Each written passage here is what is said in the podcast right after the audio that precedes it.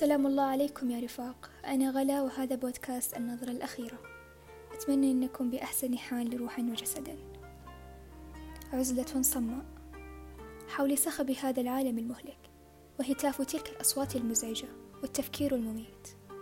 ضغوط هنا ومشاكل هنا وهموم أخرى هنا. تأخذنا الحياة ذات الروتين المتعب إلى عوالم عديدة. ما هذه الحياة؟ أين يمكن لروحي وعقلي أن يهدأان سويا؟ متى يمكنني أن أتنفس من دون الشعور بأنها المرة الأخيرة لي؟ متى يمكنني أن أسمع دقات قلبي من شدة هدوء الكون حولي؟ يقول عالم الرياضيات بليس باسكال بأن الإنسان قد يصل لحالات تؤدي به للهستيريا إن لم يستطع أن يخلو بنفسه ولو لمدة قصيرة بل إن الأفكار المتميزة لا ينتجها الإنسان المفكر إلا في حال اعتزاله قليلا. العزلة هي حق على نفسك والعزلة هي مطلب أساسي واحتياج ضروري. برأيي إنها مهمة كحاجتنا للماء والأكسجين. العزلة هي ملجأ الروح ومحار العقل. لا تبرر الآخرين سبب عزلتك أو حاجتك الملحة للعزلة أو لماذا تريدها. فإن بديهيات النفس البشرية لا تبرر.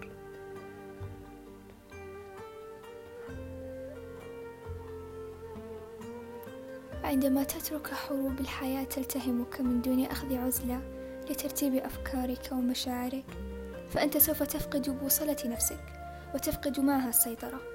حينها سوف تخاف الاختلاء بنفسك من شدة جهلك بها. سوف تخاف العزلة وتخاف أن تبقى دقيقة واحدة في غرفتك وحيدا تسمع إلى صوت عقلك وتشعر بتعب قلبك فأنت لم تتعامل مع هذه الأمور منذ زمن بعيد. فأنت معتاد على تجاهلها فتهرع إلى الباب وتخرج بقوة لتختلط بالعالم الذي أذاك. وتلعب مع أصدقائك تبقى خارج غرفتك المربعة إلى أن تنتشي النعاس بشدة فتذهب إلى سريرك كجثة هامدة سخرت بها الحياة فأنت خائف منك من نفسك يا للعار.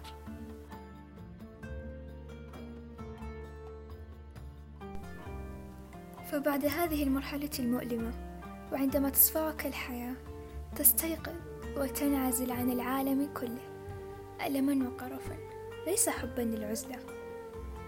فلقد طفح الكيل منك لقد هامت بك الأرض وسخرت منك الأفكار بما فيه الكفاية. ها أنت ذا في عزلتك المؤلمة. تشعر وكأنك تضع حبل المشنقة حول عنقك كلما تعمقت بنفسك أكثر. وغصت في عوالمك. أنت تتألم أنت تبكي وأنت خائف. لا بأس يا صديقي فهذا شعور طبيعي لهجرك روحك كل تلك الشهور الماضية. فأنت لم تعالج جرحك عندما كان صغيرا ها هو أصبح ورم لعين لا يذهب إلا باستئصاله كاملا. إنه مؤلم جدا ولكن لا بد منه.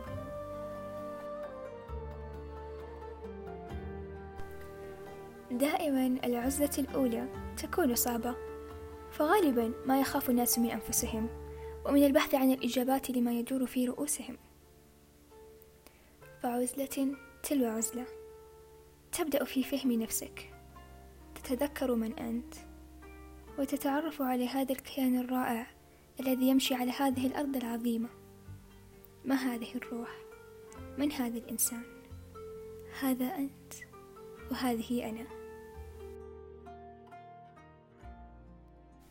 بعد كل هذا التشتت تصل إلى نفسك وإلى بؤرة كيانك وإلى حقيقتك الخالصة. تعود للعالم معافى ومبتهج كمن أقلع عن إدمان المخدرات. العزلة هي نعمة من نعم الله وكل من يشعر ويتلذذ بهذه النعمة فهو محظوظ فعلا.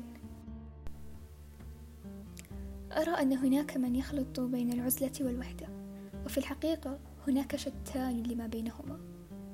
من وجهة نظري وتعريفي الخاص أرى أن العزلة تكون برغبتك أن تعتزل هذا العالم. وأما الوحدة فهي حالتان. إما أن تكون محاطا بالناس والأصدقاء ولكن شعور الوحدة يمحي ما في جوفك من أمل وحب وحياة. وحينها تصبح الدنيا باهتة وتفقد شغفك في كل ما كان يأنس روحك ويجعل ليومك لونه فعند صدور هذه المشاعر الضبابية عليك الحديث إلى شخص قريب منك أو أن تتواصل مع طبيب نفسي لأن الوحدة قد تؤدي للاكتئاب أو تكون هي بسبب الاكتئاب أصلا. وأما الحالة الثانية هي أن لا يكون لديك من تقتسم معه رغيف الحزن فتجبر على أكل رغيفك وحيدا.